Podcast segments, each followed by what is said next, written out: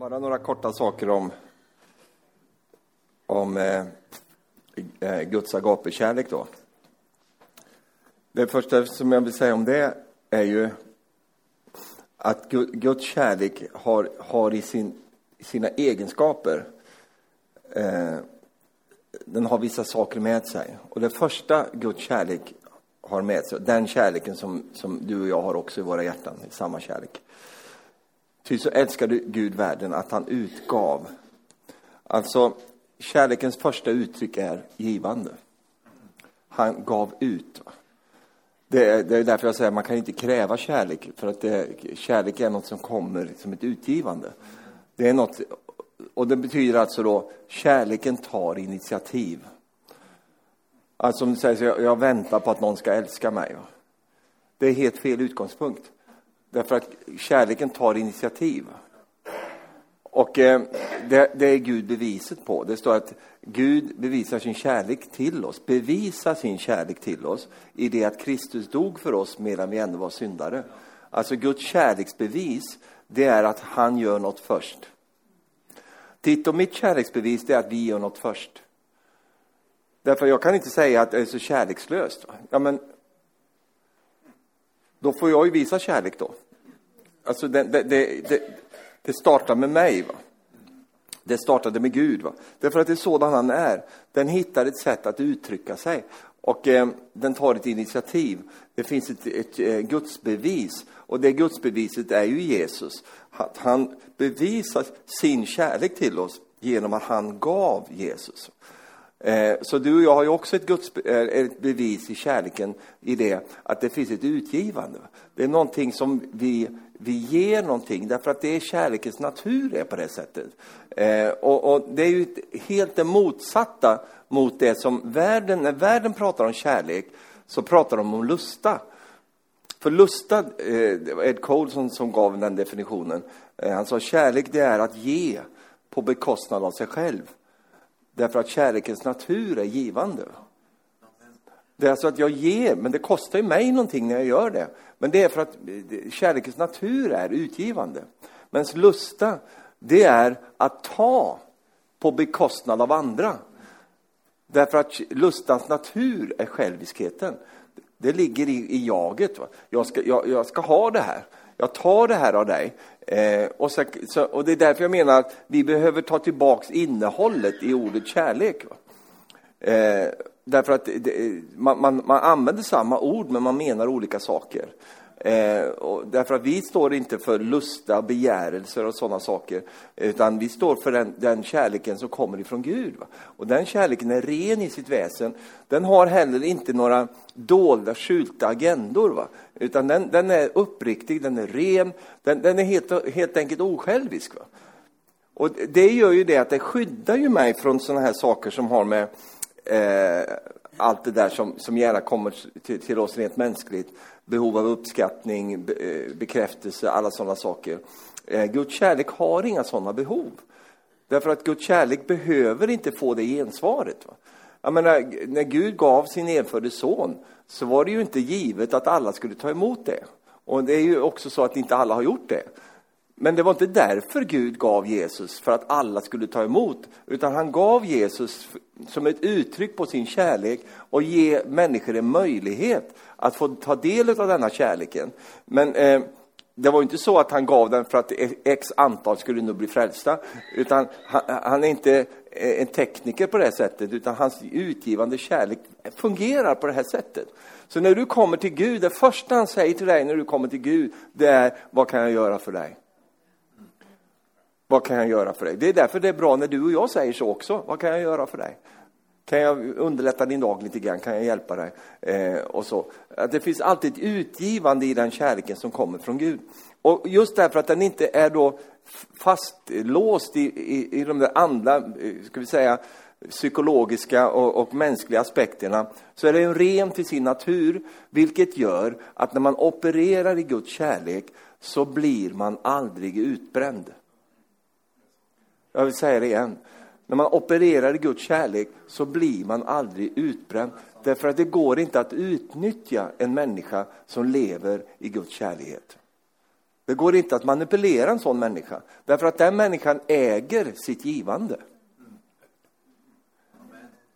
Alltså jag säger en del bra grejer här. Det, det, jag tycker nog att det är en del bra grejer i alla fall. Nej, men för att för man kan ju lätt bli utsliten och, och så vidare. Eh, och det, det, vet vi alla om, det kan man bli. Och så. Men, men Jesus blev ju inte det. Han blev ju inte utsliten och utgiven. Eller utgiven blev han, men han blev inte utsliten. Eh, och, och, och, och, så. Han klagade ju aldrig på det. Därför att det fanns någonting som gjorde att han eh, sparades ifrån det. Va? De här dräneringarna som så lätt kommer. Och de dräneringarna eh, möter vi alla i våra liv då och då. Eh, när, vi, när vi tycker att insatsen vi gör är så hög och så får vi så lite tillbaks. Otack är världens lön. Är det någon som känner igen sig? Du har slitit och, och jobbat med det här och, och, kämpat med det där och så får du knappt ett tack för det och jobbat massor av det där i, i, i kylte och, och, så, och så ingen ser det knappt. Du har stått vid spisen hela dagen och lagat mat och grejat och så barnen kommer hem och vad är det här, det var inget gott. Och så har du eh, sån, då är det ju lite sån, eh, vi är ju bara människor så på det sättet så kan man ju känna det att är det värt det här att hålla på på det här sättet? Eh, att här ger jag och så där och så tackar de mig. Men då, då kanske inte tackar dig när du är tonåring. Men de kommer att tacka, från det att de är 40 år och uppåt så är du ett helgon. Det har jag märkt på många, många barn. När, när, när barnen blir lite äldre eh, och blir vuxna och får egna barn sen, då helt plötsligt är föräldrarna helgon. De var så fantastiska. Mamma var alltid hemma och, det, och sådär. Det är så kul att sitta och höra på våra, de är inte ungdomar längre, men de är ju uppe i 40-årsåldern allihop. Hur de pratar om, om mig och Marie. Va? Det kunde de inte ha sagt det då när de var tonåringar och var lite tacksamma och lite så för allt vad vi gjorde för. Nej, det var ingenting. Finns det ingen mjölk hemma? Jag, jag tänkte ibland när de var tonåringar, är de kossor eller vad? Jag menar, de, som, de dricker som kalvar. Det var nog makalöst vad, vad, de, vad de hällde i sig. Och så. Och, och, och, de tog bara för gitt att det skulle vara massa mjölk i kylskåpet där och sånt. Men nu vet du, så är det, inte, det låter på ett annat sätt nu. Vet du. Jag tänkte, får, får det här fortsätta, vet du, då blir vi ju nästintill Gud. Va? Det, det, vi får nog gå hem till Herren innan så att de inte får felaktiga... Men det är varför då upptäcker man någonting. Och det ju, gör ju alla människor. Förr eller senare så upptäcker de det. De upptäcker att det, det är inte så lätt det här. Va? Nu har de egna barn som kräver en massa saker och allt. Helt plötsligt så kommer de huskar de hur det var när de själva växte upp och så får de liksom ställa saker i dess rätta ljus och så, så blir de tacknämliga. Tackar dem. Det är fint. Halleluja. Så ger de dig presenter också. Det är deras egna barn. Här, morfar, kan du ta hand om honom nu? Och jag brukar säga, ja, jag kan ta hand om honom, han kommer få så mycket is, så mycket kakor och mycket gotteri och allt. Han kommer få allt vad han ber om, för jag har fostrat upp dig och jag tänker inte fostra upp en till, utan det, det här får han, allt som, allt som man pekar på kommer han att få. Bara så du vet. Så, så därför frågar de inte mig så ofta. För att det är livsfarligt att komma till morfar för att det blir så mycket. Ja. Ja, men hans kärlek är utgivande och det är det som är liksom signum på hans kärlek, det är att den är utgivande. Och han ger utan att kräva någonting tillbaks. Det ligger i hans väsen. Han kräver ingenting tillbaks. Utan den kärleken, eh, någon säger så här att, eh, ja men är den villkorslös då? Nej, jag vill inte säga att den är villkorslös. Därför att eh, då, då, utan det finns ju vissa villkor. Jesus nämnde ju en del saker. Han säger så här, om ni älskar mig då håller ni mina ord. Så han, han, han styr ju upp det här lite grann. Så här, att det, det, finns ju vissa saker som sker när man älskar någon. En sak när man älskar Jesus, då håller man hans ord. Det är ett tecken på att jag älskar honom. För en del säger så här, jag älskar Jesus, jag älskar Jesus. Det är bara en massa ordbajs. Va? Ursäkta uttrycket, va? men det, det, det liksom... Det, det bara, man bara pratar, men egentligen, och, och så lyssnar man vad Jesus säger, ja men håller du mitt ord då? Det är ju sättet du kan visa för mig att du älskar mig. Om du älskar mig så håller du mitt ord. Eh, det finns vissa sådana saker, vi ska komma in på allt det där här eh, längre fram. Och då är det fram i, tiden. Va? Det kan vara precis innan Jesus kommer tillbaka, så vi vet inte hur långt fram det här blir. Men... Så det var alltså Guds kärlek då, och inget annat motiv som gav oss Jesus. Det var det enda motivet. Det var hans kärlek. Det var det som motiverade honom att göra det han gjorde. Inte något annat, inte det liksom att han skulle få en liten fjäder i hatten eller att han skulle göra någon sån. Utan det var hans kärlek till oss människor som gjorde att Jesus kom. Tycker jag är starkt faktiskt. Amen. Och sen detta underbara då, att den kärleken som jag, jag ska spesa upp mer sen senare, men jag bara, jag bara går runt det hela lite grann idag. Så kommer vi till specifika saker sen. Guds kärlek, den är utgjuten i våra hjärtan. Det här tycker jag är så starkt. Har du märkt att din kärlek kan ta slut? Det har du aldrig märkt, du har, nej, men jag har märkt att min kärlek, den, den, den har en ände alltså. Nej, ursäkta, jag glömde bort Jag är i Norge nu, där har man ju ingen... Jag är ju svensk, va, så min kärlek kan ta slut. Jag kan bli skickligt lej på, trött på folk alltså. Som bara ödelägger. Den här galningen där i, i Sverige nu som håller på och bränner Koranen eh, och grejer, va. bara ödelägger för svenskarna. Åk och bränn den i Bagdad istället. Där skulle det göra mer effekt tror jag. Det är sista gången du bränner någonting. Men att stå beskyddad av svensk polis. Och så hade de intervju med honom, ursäkta mig men jag måste få ur med det här. Va? Beskyddad av svensk polis. Så säger han så här, det är svensk polis skyldighet att beskydda mig för att jag får bränna detta. Det är demokrati. Jag kan knappt uttala ordet. Ja, men varför, och då var ju reporten bra där, så men du kan väl bränna den där, eh, där du kommer ifrån då? Nej, det går inte, då blir jag dödad. Men det går bra att bränna den beskyddad av svenska skattepengar och sånt. Då känner jag ibland så här, Jesus, du har kommit längre än mig. Alltså. För vet du vad Jesus säger i mitt hjärta? Han säger, jag älskar den här mannen lika mycket som jag älskar dig. Nej, alltså det... nah, är, det, är det verkligen säkert alltså? Jag läste om en, en, ganska känd predikant som skrev på Facebook här, jag läste bara idag faktiskt, och, och, så. Jag läste förut också, som, som tyckte han blev dåligt behandlad av en annan känd predikant eh, på 80-talet och, sån, och, och, var så sur på detta och, och allt så ja, bla, bla, bla, bla. Ibland tänker jag, varför måste man skriva sånt? Jag menar, om man har förlåtit någon någonting, varför måste man skriva? Ja, men det gör det i undervisningssyfte. Jo, Men då, hade, då hade jag ju varit så upprörd på det där. Va? Och så, här. Ja, sån. Ja. Och så skrev, skrev han då. Men då hade Herren kommit, på, kommit till honom och mött honom väldigt starkt och sagt så här. Du ska veta att jag älskar den här brodern lika mycket som jag älskar dig. Och det hade tagit tag i honom så mycket. Va? Därför här gick ju han omkring med en agg mot den här brodern eh, för någonting. Och så, så talar Herren, jag älskar honom lika mycket som jag älskar dig. Har du varit med om det någon gång när du varit sint och sur på någon och så får du höra en helig ande säga, jag älskar honom. Va? Det är jättejobbigt. Va? Och det är ju bara Jesus som klarar av sånt här. Va? Han, är ju, alltså, han älskar ju syndarna lika mycket som han älskar de rättfärdiga. Alltså han, han, han, hans blod täcker ju dem också.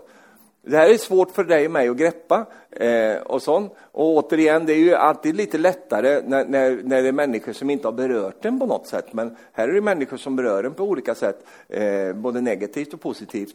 Och eh, det är därför som du och jag, vi ska, vi, ska inte, vi ska varken höja upp människor eller sänka ner dem till avgrunden. Utan istället bara se människor för vad de är. Jag har ju haft ett talesätt talesättet någon gång här, för det är ett polskt ordspråk. det fungerar inte så bra men, eh, i, i Norge, men du får försöka nu, för nu kommer det vare sig du vill eller inte. Och det låter så här, du ska inte bli förvånad om det regnar dynga. Du vet, sånt. Ifall du höjer upp kossorna till skyarna. Den tal brukar ta lite tid för folk att fatta, jag ser på det. Du ska inte bli förvånad om det regnar ner dritt om du höjer upp kossorna till skyarna. Jag tar den en tredje gång. Det... alltså själva sensmoralen i det, va? det är att höj inte upp fel saker. Vad, vad kan du förvänta dig om du höjer upp kossorna, kurna, till skyarna? Oh, du får en dritt i ansiktet. Det, det, det är det som sker. Och när vi höjer upp fel saker, då kommer det regna ner allt möjligt. Va? Det jag tycker jag är ett väldigt bra ordspråk faktiskt. Det, det är talande. Och det, det, är så, varför blir jag förvånad? Pff, vad kom det nu för någonting?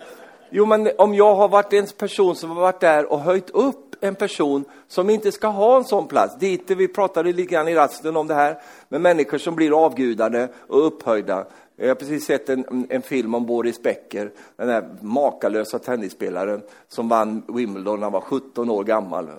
En, en naturbegåvning och fantastiskt duktig tennisspelare. Och, och, sådär. och kommer hem till Tyskland som inte har haft någon sån eh, nationalhjälte på många, många år innan det. det. Så det var hans väldigt uppdämt behov. Eh, och, så. och du vet, när han kom hem vet du, eh, från han vunnit, han var 17 år gammal, så blev han ju upphöjd till skyarna. Vet du. Han blev ju som en gud där i Tyskland. Eh, och så. Han blev en, en nationalidol liksom, av enorma mått, va? som en riktig popstar. Va? Och så blev han upphöjd där. Och vet du, det, det dröjde ju inte länge förrän det gick åt honom åt huvudet. Va? Och så fick han det ena problemet efter det andra och nu har han väl precis avtjänat ett, ett fängelsestraff. Eh, nu, nu, är han ju bra mycket äldre, men, men, men det gick inte bra. Va? Och det, vad, vad beror det på? Är det den unggutten där som så gärna ville bli en sån stjärna? Nej, han blev uppburen av folket. Va? Så vi ska inte sitta där och peka finger på folk, sådana som faller och allt det där. Ja, men varför har de kommit till den positionen där, där de har blivit så upphöjda? Det är ju därför att människan har i sig en, ett enormt behov av att ha andra gudar. De vill göra sig gudar, vet du precis som på Mose tid. De ville liksom, nej vi måste ha någon här nära nu, låt oss göra oss en avgud här så vi kan tillbe den och ordna med det. Och, och då blir resultatet katastrof. Det ligger nedlagt i människan på något sätt det där. Och, och, och, vi ser det gång på gång, gång på gång. Och så blir man skuffad när det kommer dritt i ansiktet. Va? Fy, det hade jag inte väntat mig det här. Ja, men varför höjer vi, höjer vi upp människor för? Sätter dem på piedestaler, lyfter upp dem som de vore liksom eh, nästintill Gud själv. Låt oss inte göra det. Och låt oss inte heller eh, dra ner människor i, i, i leran och göra dem så ringa som det bara går. Du är inget med dig, va? du är ingenting att ha. Nej, Låt oss ha en, en sund och tillbörlig eh, uppskattning av varandra. Halleluja. Det går att hedra människor utan att höja upp dem till en, en kossa i skyn. Det går att bara vara tacknämlig och prisa Herren och allt det där utan att förfalla till tillbedjan. Utan att liksom eh, springa runt liksom och, och, och, och, så. För alla de där sakerna eh, har sin ände och ofta slutar med katastrof och tragedier på grund av det här. Det, det, det gjorde aldrig Jesus. Han gjorde inte så, utan han hade en, en, en väldigt härligt sätt att vara med människor. Han höjde dem inte till skyn och han drog inte ner dem till helvetet heller, utan han höll det balanserat. Och det kan du och jag också. Och sådan är kärleken. Därför att kärleken i sitt sanna väsen har ju bara en enda koppling egentligen, och den kopplingen är ju Gud. Va? Så jag behöver inte imponera på dig. Jag behöver inte liksom göra det här för att du ska applådera mig. Utan jag gör det ju därför att det finns i mig och naturligt att göra detta. Om du tackar mig för det så halleluja, det är ju bra för dig att du gör det. Men, men om du inte tackar mig så går jag vidare i alla fall. Därför att det var inte själva hänsikten var inte att du skulle stå åh fantastico, fantastico. Nej, utan det, hänsikten var ju, bakgrunden var ju att det är Gud som rörde vid mitt hjärta. Och så gjorde jag det här. Halleluja. Och du kommer märka det själv då. Det du är nästan allra gladast över, det är när ingen får reda på det. Ingen får reda på att det var du som ställde den matkassen där på utanför dörren. Där. Ingen får reda på att det var du som fixade den där kontoöverföringen där. Det får inte de reda på. Ingen, ingen får, men, men vet du vad? Det är en grej mellan dig och Gud. Halleluja. Alltså det är en, en grej mellan dig och Gud.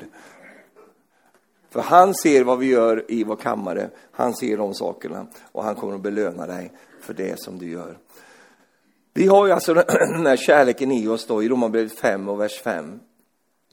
Och det hoppet bedrar oss inte. Ty Guds kärlek är utgjuten i våra hjärtan genom den heliga ande som han har gett oss.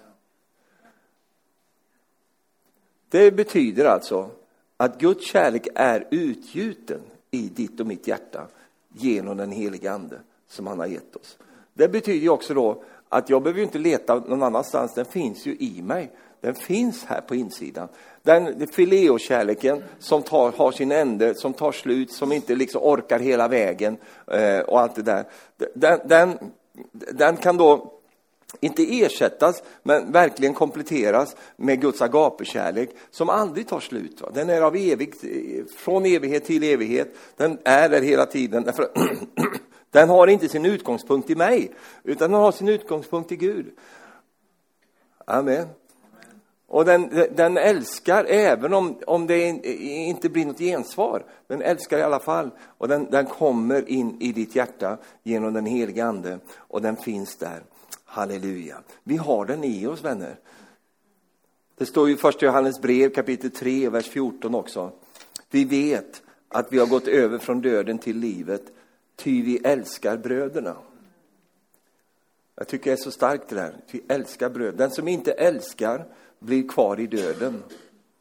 Den som hatar sin broder är en mördare. Och ni vet att ingen mördare har evigt liv i sig. Genom att han gav sitt liv för oss har vi lärt känna kärleken så är också vi skyldiga att ge vårt liv för våra bröder. Om någon har denna världens tillgångar och ser sin broder lida nöd, men stänger sitt hjärta för honom, hur kan då Guds kärlek förbli i honom? Kära barn, låt oss älska inte med ord eller fraser, utan i handling och i sanning. Då vet vi att vi är av sanningen och vi kan inför honom övertyga vårt hjärta. Och vad det än anklagar oss för, att Gud är större än vårt hjärta och vet allt, mina älskade, om hjärtat inte anklagar oss är vi frimodiga inför Gud. Och vad vi än ber honom, det får vi av honom. Vi håller hans bud och gör det som gläder honom. Och detta är hans bud, att vi ska tro på hans son Jesu Kristi namn och älska varandra som han har befallt oss. Enkelt. Jag tycker det är så härligt också, för att om vi håller hans bud, och då kan ju någon bara, åh, vad är det för bud då? Ja, det är, det är bara det här budet. Där vi tror på hans son Jesu Kristi namn och älskar varandra. Då uppfyller vi eh, kvalifikationen här, så som han har befallt oss.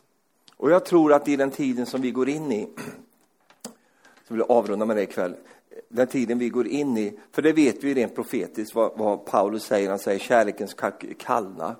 Jesus säger det också, ska kallna hos de flesta. Va? Eh, vi går emot en sån tid, en andlig istid kan man säga. Det, kärleken liksom kallnar mer och mer. Eh, mörker får större och större inflytande och allt detta. Men det finns ett område där du och jag aldrig kommer att ha någon konkurrens. Och det är kärlekens område. För djävulen kan göra mycket grejer. Han kan göra under och tecken. Han kan göra alla möjliga saker. Han är duktig på att manipulera, han är duktig på, på alla möjliga saker. Mycket duktigare på det än vad du och jag kan vara. Han har mycket kunskap om många saker och hela världen är i en ondes våld. Men han kan inte älska han, han förstår sig inte på det här med kärlek. Ja. Han förstår inte vad det är för någonting. Han, han, alltså, så om du och jag är på den sidan och lever där, då är det omöjligt för djävulen att komma åt oss. Va? Därför att han har inga redskap, han har inga vapen som fungerar där. Eh, han, han, har inte, eh, han, han, vet mycket väl hur han ska handskas med, med vrede, med, med otillgivelse, alla de sakerna. Det, där har han ju saker, där, där spelar vi ju hans spel. Men om du och jag vandrar i kärleken så finns det, alltså han har ingen, ingen utrustning på det området. Va? Och han vet inte vad han har att handskas med. Det var kärleken som övervann djävulen. Va? Det var det som gjorde att han blev besegrad. Därför att här mötte han en motståndare som, som, eh, som hade, hålla på att säga, ett eh, secret, secret weapon, va? ett hemligt vapen. Här hade han en motståndare som är motiverad, inte av begär, inte av hämnd, inte utav att slå tillbaks, utan av ren kärlek till mänskligheten. Här, här möter han en motståndare som han inte vet, någon, eh, vet hur han ska handskas med. Och när du och jag lever i den kärleken, då, då, kommer inte den onde vid oss, för vi tar oss tillvara, vi håller oss borta ifrån det där. Halleluja. Och jag tror att det där kommer att vara signifikativt i den tid som vi går in i. Att visst, kärleken kommer att kallna, står det ju, vi vet det. Men kärleken kommer också att öka. Den kommer att öka hos, eh, hos de som följer Jesus. Den kommer att, den kommer att växa till. Va? Den kommer att bli starkare. Och, och den kommer också bli så att säga, vårt stora beskydd i den tid som vi går in i.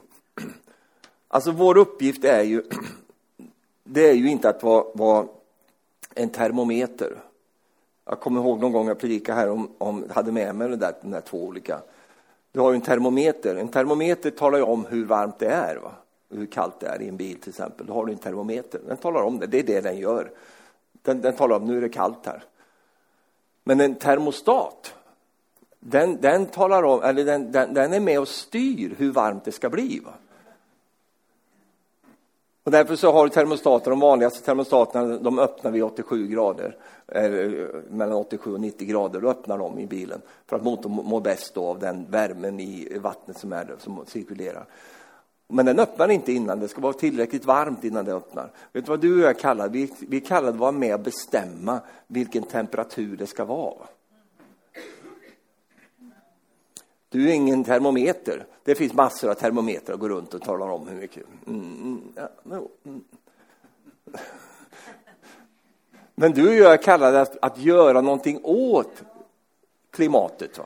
Att göra någonting åt så att det blir varmt. Va? Hur ska det kunna bli varmt? Jo, genom Guds kärlek. För att den gör att det frusna blir varmt. Och när det är varmt, det är då som äggen kläcks. Va? Du undrar varför de aldrig kläcks för? Ja, men det är ju så kallt. Va? De, de, de, de ligger ju i ägget och, och fryser och vill inte ut. Men när det blir tillräckligt varmt så står de de måste ut ur det här ägget. Här, va? Och, och det är det som kommer att ske när, när, när kärleken bara växer till, så kommer också den, den temperaturen också att finnas där. Vi nämnde det innan mötet, vet du, att det, eh, när folk sitter och fryser i mötena. Nu, vi, vi män, jag, jag fryser ju aldrig i möte, jag tycker alltid att det kan vara kallare. Men det är ju för att jag är man. Hur många män vill sova med öppet vindu hemma om frun går och stänger hela tiden? Det gör min fru, går och stänger. hela Jag ser på henne och smyger och stänger. Va? Och då, då väntar jag tills hon har somnat, så går jag och öppnar det där. Jag kan inte sova, det går inte att andas. Va? Jag måste ha luft här Ja, men det är så kallt. Ja, men kallt, du ligger med full mundering på. Du har ju så mycket kläder på dig. Så det tar ju evighet att få av de där kläderna. Hur kan du frysa nu? Det är ju jättevarmt.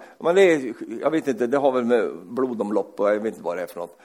Men i alla fall, men när man är frusen, det var det dit jag ville komma. När du fryser, när man sitter man predikar och ser folk sitter och fryser i mötena. Så, så, så då, då, blir man lite instängd så här, och det enda man tänker på det är ju fy vad kallt det är här. Uh, uh, så här, Man blir väldigt självcentrerad när man fryser.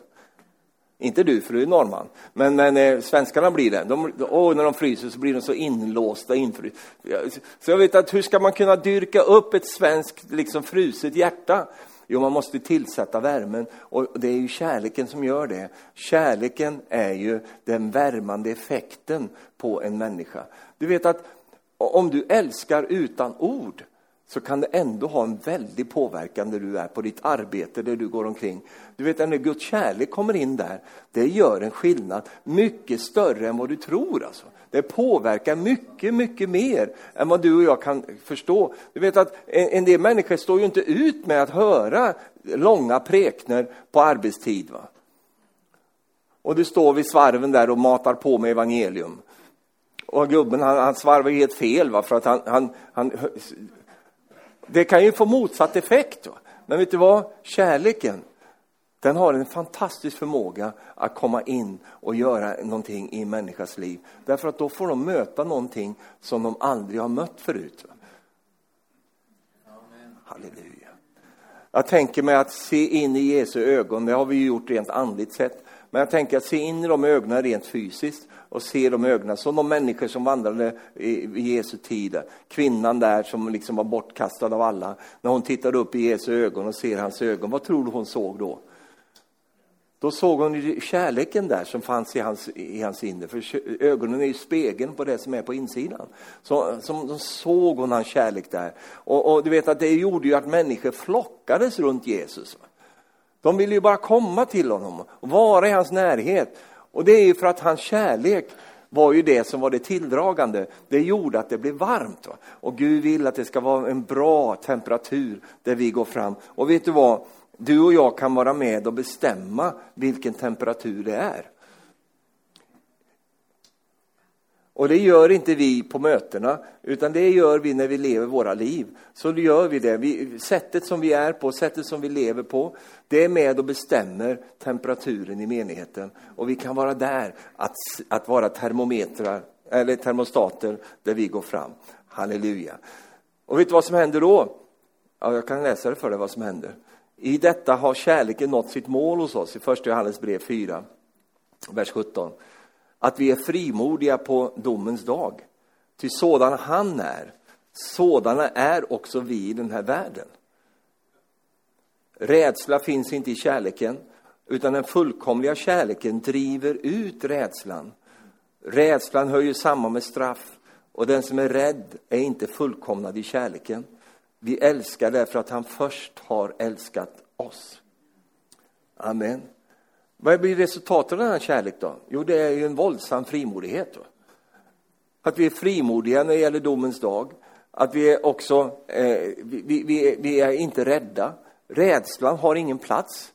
Där kärleken är rådande så finns det ingen plats för, för, för, fruktan och rädsla. Hur ska det gå, hur ska det bli och allt det där. Den, den kommer inte till därför att kärleken driver undan fruktan. Den driver undan rädslan, driver bort den. Halleluja. Du vet att om, om, om vi kämpar med mycket fruktan i våra liv och vill bli av med den och kan kasta ut en fruktans ande och allt det där. Va? Och visst, det kan finnas sådana saker, man måste få liksom hjälp med det. Men vad vi framför allt behöver göra, det är att öka kärleken. Därför att kärleken i sig själv driver bort fruktan. Därför att kärleken har ju inget att vara rädd för. Det finns inget att frukta. Halleluja. Och vi är frimodiga när det gäller domens dag. Va? Därför att fruktan har sitt fokus på straffet. Men eftersom du och jag vandrar med Herren och lever i hans kärlek så vet vi att det kommer inget straff. Woho! Det kommer inget, det blir inget straff. Åh, vad många det är som önskar att det skulle bli ett rejält straff. Vad gruvligt skuffa de kommer bli när de kommer till himlen. Det bidde ingenting. Det blev inget straff. Och du vet att vi är befriade från Jonas ande. Du vet vem Jona var i Bibeln va? Han hade en ande över sig. Och det var ju detta, han ville ha straffet. Han ville att nu ska de få där. Bula, bula. Nu det. Han precis själv, han blev räddad ifrån, från att drunkna. Gud räddade honom på ett mirakulöst sätt, de makalösa grejer han var med om det. Uppspolad på land där och sen så kommer han ju och, och fattar att han måste ju leva i kallelsen. Och så gör han det och så går han och predikar för Nineve och allt detta. Vet du. Och vi och fasa, de lyssnar på vad han predikar om. Så de vänder om hela bunten där. Och påtvingade en fasta på hela folket, till och med djuren fick ju fasta. Va? Kissekatten fick ingen mjölk, ingenting. Va? Alla skulle, och de, de, tog det seriöst, vet du. Och det där förnärmade Jona då. Va? Därför att då såg ju Jona, nej men nu, nu händer det någonting hos Gud här. Nu kommer han med sin tillgivelse över dem här nu. Och då står det, då blev Jona mycket vred. Va? Ska... Och så säger han, avslöjar sig själv. Det var det jag visste hela tiden. Jag bara kände, det där kände jag på mig hela tiden. Du är en sån där god och sån långmodig, saktmodig Gud. Du är en sån som ångrar. När människor, du är, ja, det, jag kände det. Men du har lurat ut mig i det här. Nu blir det inget straff. Och då, då, då, då står han och önskar sig döden. Va? Det är ingen mer, jag ska inte leva. Det är ingen, ingen, det är ingen, ingen massförstörelse, det är ingenting, det händer ingenting, det regnar inte ner svavel, ingenting, jag har ingen mening med mitt liv. Jag kan lika gärna dö nu. Va, vad är det för pervers, liksom, vad har hänt uppe i huvudet på den karln där? Han borde ju ha blivit jätteglad. Nej, inte då. Han ville ha straffet.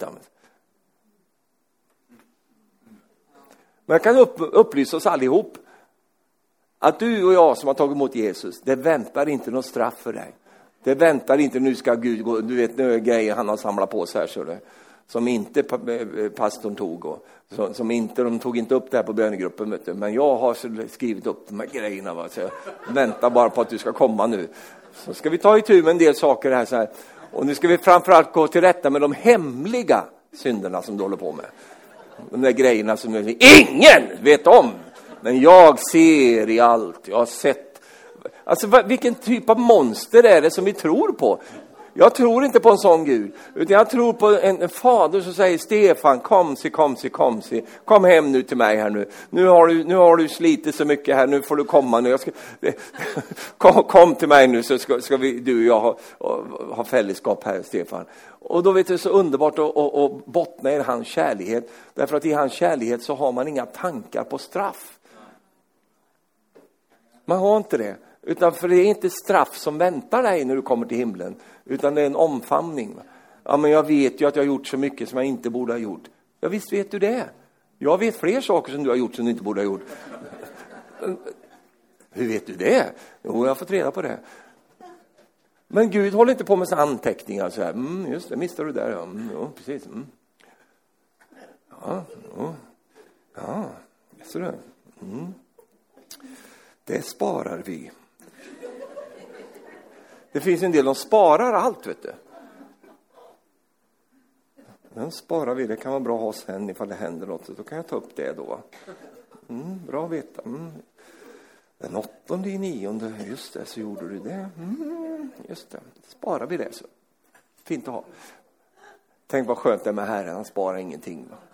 Han håller inte på det. Jag ska gå till, kolla här, vi ska titta lite grann i, i i vårt lilla spararkiv.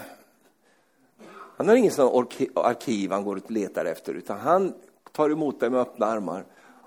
Och du vet att det är det här som är så vidunderligt med Herrens kärlek, därför att den är så stor. Va? Den går så långt utöver vad du och jag kan greppa och förstå. Därför att vi tar lätt ner det på, på, på den mänskliga nivån. Och då tänker vi liksom att det, ja, men det får ju vara någon rättvisa i det här, det måste ju vara någon liksom så. Men du vet, Guds kärlek, den är så enorm. Va? Den är så stor och det är svårt för oss att förstå den. Eh, för vi lägger ju ofta in det här med värde, eller så är vi värdiga detta, eh, belöningar, alla de sakerna. Men du vet att Herren han har helt andra tariffer som han går efter. Han har helt andra saker. Och vet du vad, när du och jag får bada i den kärleken och får vara i den, det finns inte ett uns av fördömelse i den kärleken.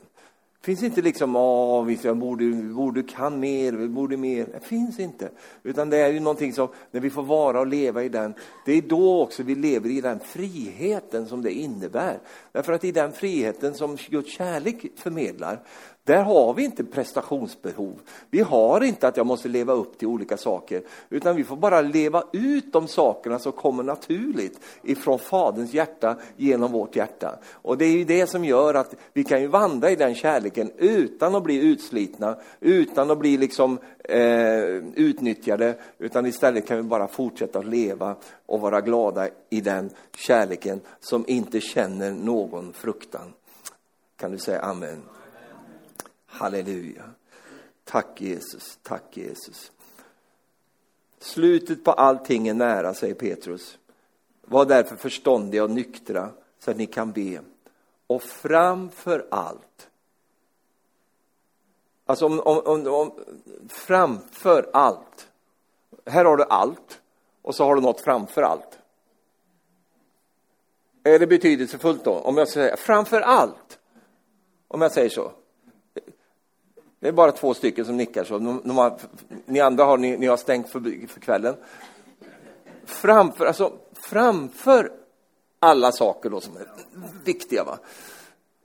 Så har du något framför där. Va? Så säger han så här, framför allt ska ni älska varandra innerligt. Det sätter han framför alltihop. Du har gjort alla de här andra sakerna, var nyktra, vaksamma och allt det där. Men, men framför allt det där ska ni älska varandra innerligt. Då har vi en bit att gå. Eller eh, talar jag till den fullkomliga skaran här? Eller? Nej, vi har en bit att gå. va? Därför att det är ju lätt att älska dem som är älskvärda. Det är ju lätt att älska dem som håller med en i allting och liksom eh, kompisen och så. Det är, det är ju en sak. Men att älska dem som är lite knöliga och lite besvärliga som också av någon out är med i samma menighet som du är. Och då undrar du väldigt mycket på hur kan den människan vara med här? Jag förstår mig inte på den här personen. Ja, men den är med där bara för att du ska utöva kärleken. Varandra innerligt. Ty kärleken överskyler många synder. Överskyler dem. Är inte det lite speciellt? Alltså den sätter sin ära i att inte exponera synderna utan däcka över, kyla över. Noa hade tre söner. Och de här första sönerna, han låg drucken i tältet där, så, så, visste de, de visste mycket väl vad han hade gjort och han, att han var i fel läge kan man säga. Så de bara tog och backade in och, och däckte över. Det är där det här kommer ifrån. Han däckte över, de däckte över och la manteln över honom. För att, för att skyla hans, eh, alltså han var ju naken. Fast den yngre brorsan där, han, han såg ju det här. Va? Han gick rätt in och kollade på det här och går ut. Det första han gör så eh, postar han på Facebook. Noah är naken. Jag har sett honom idag. Och så. Och det, det misshagar både Herren och Noa framför allt. Och just det där att, att det finns någonting där att du och jag, det är inte det att vi, att vi ignorerar synden. Du måste vara på alla lektioner för att få med alltihop här.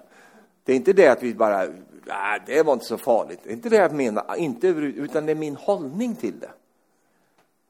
Att jag då istället för att göra, göra en, en grej av det här, va? exponera detta. Jag tycker de norska visorna, de kristna visorna, jag tycker de borde ta en time-out ibland. Alltså, för att jag tänker, de har, verkar som ha satt sin ära i att tala om för alla hur dålig kristenheten är. Va? och exponerar hit och dit. Va? Men jag är ingen eh, eh tidningsman, så jag, jag, jag, ska inte säga mer om det. Men just att det finns en, liksom en, en, en heder i att faktiskt inte exponera en annan människas synder. Varför då? Därför att du vet inte vad, vad, vad, vad som sker i den människans inre och du vet heller inte vad Herren kommer att göra längre ner. Så det kan vara bra att stänga igen sin trut och inte liksom där och då bara Åh, nu fick jag dig. Nej, utan istället vara så som det står här. Kärleken överskyler, är mycket överdäcker. Inte ursäktar, inte på något vis. Inte liksom det att det är väl okej, okay, du kan göra det där. Inte det vi pratar om, utan i, säkert i en sorg. Va? En sorg över läget och tillståndet. Jag, jag växte ju upp med, med, med Ulf som, som pastor. Han, han var fantastisk på det här området när det gällde det här. Va? När det hände olika saker. Det var ju mycket skandaler också på den tiden. Och sådär. Och, och så var det någon som sa till mig, varför går du inte ut? Du visste ju om det här, varför går du inte ut? Varför ska jag göra det för? Varför ska jag gå ut och göra det för? Göra, göra skadan ännu större genom att göra det? Eller komma med det här löjliga, det här kände jag på mig. Det här, jag såg de här signalerna innan. Känner, ja, men varför sa du ingenting då? Det är lätt att komma i efterkant och sånt. Och sen är det så underbart att, att, att, att ta det tveeggade svärdet. Va? Det tveeggade svärdet, det går både utåt och inåt. Va? Så i den stunden du brukar det Guds ordsvärdet så, så, så, pekar det mot dig och mig också. Och tänk dig själv om, om Herren skulle expon, hänga ut alla dina synder inför allmänt beskådande. Skulle det vara så kul? Nej, men du behöver inte räkna lampor, det här är ju... Utan istället bara känna detta, tack gode Gud att du har sån barmhärtighet över mitt liv att du inte vill, vill liksom hänga ut mig inför för allmänt beskådande, utan du faktiskt tar, har omsorg om mig. För du vet att eh, eh, jag kommer att ta det här tillsammans med dig och vi kommer att gå igenom de här sakerna tillsammans. Är inte det underbart? Vem är på det här sättet? Kärlekens person är på det sättet. Amen. Halleluja. Och eftersom vi då är på det sättet och vi ska vara det ännu mer, då har vi också mycket större frimodighet att prata med den där brodern och den där systern. Du, det här kanske inte var det bästa att göra. Det kanske, vi kanske, eh, man tar det på tu man hand. Därför att man har inte läckt ut det överallt annars och det finns ett förtroendekapital som gör att man kan gå, samtala med varandra. För den kärleken som, som, som kommer på det sättet, det är så mycket lättare att vara mottaglig när man möter det. Ja, men alla ni som är gifta, ni vet ju det, när du visar kärlek till din fru så kan du tala om för henne att det där får du sluta med. Du fick inte den, här, du är för trött. Men vi, vi, vi kommer på kärlekens väg så är vi så öppna och Jesus kommer alltid på kärlekens väg. Alltid. Och han kommer där därför att han är fylld av denna kärlek. Halleluja. I min värld, när jag mötte Jesus, det var det som gjorde att jag, att jag verkligen kom till Jesus. För jag upp, mötte ju någonting som jag inte var värd att möta. Jag mötte ju en, eh, en förlåtande Jesus som kunde förlåta mig mina eh, synder som jag hade levt i. Och jag kände ju den där kärleksfamnen som drog mig in till sig. Och jag tyckte det var fantastiskt, så jag stannade kvar i den. Halleluja. Och här är det många år senare, jag är fortfarande kvar där. Halleluja. Himmelske far, vi tackar dig för att vi får leva och vandra i den kärleken som kommer ifrån dig, Herre. Som inte är besudlad, som inte är nedsmittad, som inte är fullt av massa olika eh, saker som, som har med denna världen att göra. Utan som är ren i sitt väsen, Herre. Vi vill leva i den kärleken. Och tack Herre för att den kommer bevara oss i den yttersta tiden. Den kommer att hjälpa oss, Herre. Och vi tackar dig också för att den ska få växa till i våra liv ännu mycket mer, Herre, och bli till en stor faktor i våra liv, i Jesu Kristi namn. Och allt folket sa Amen.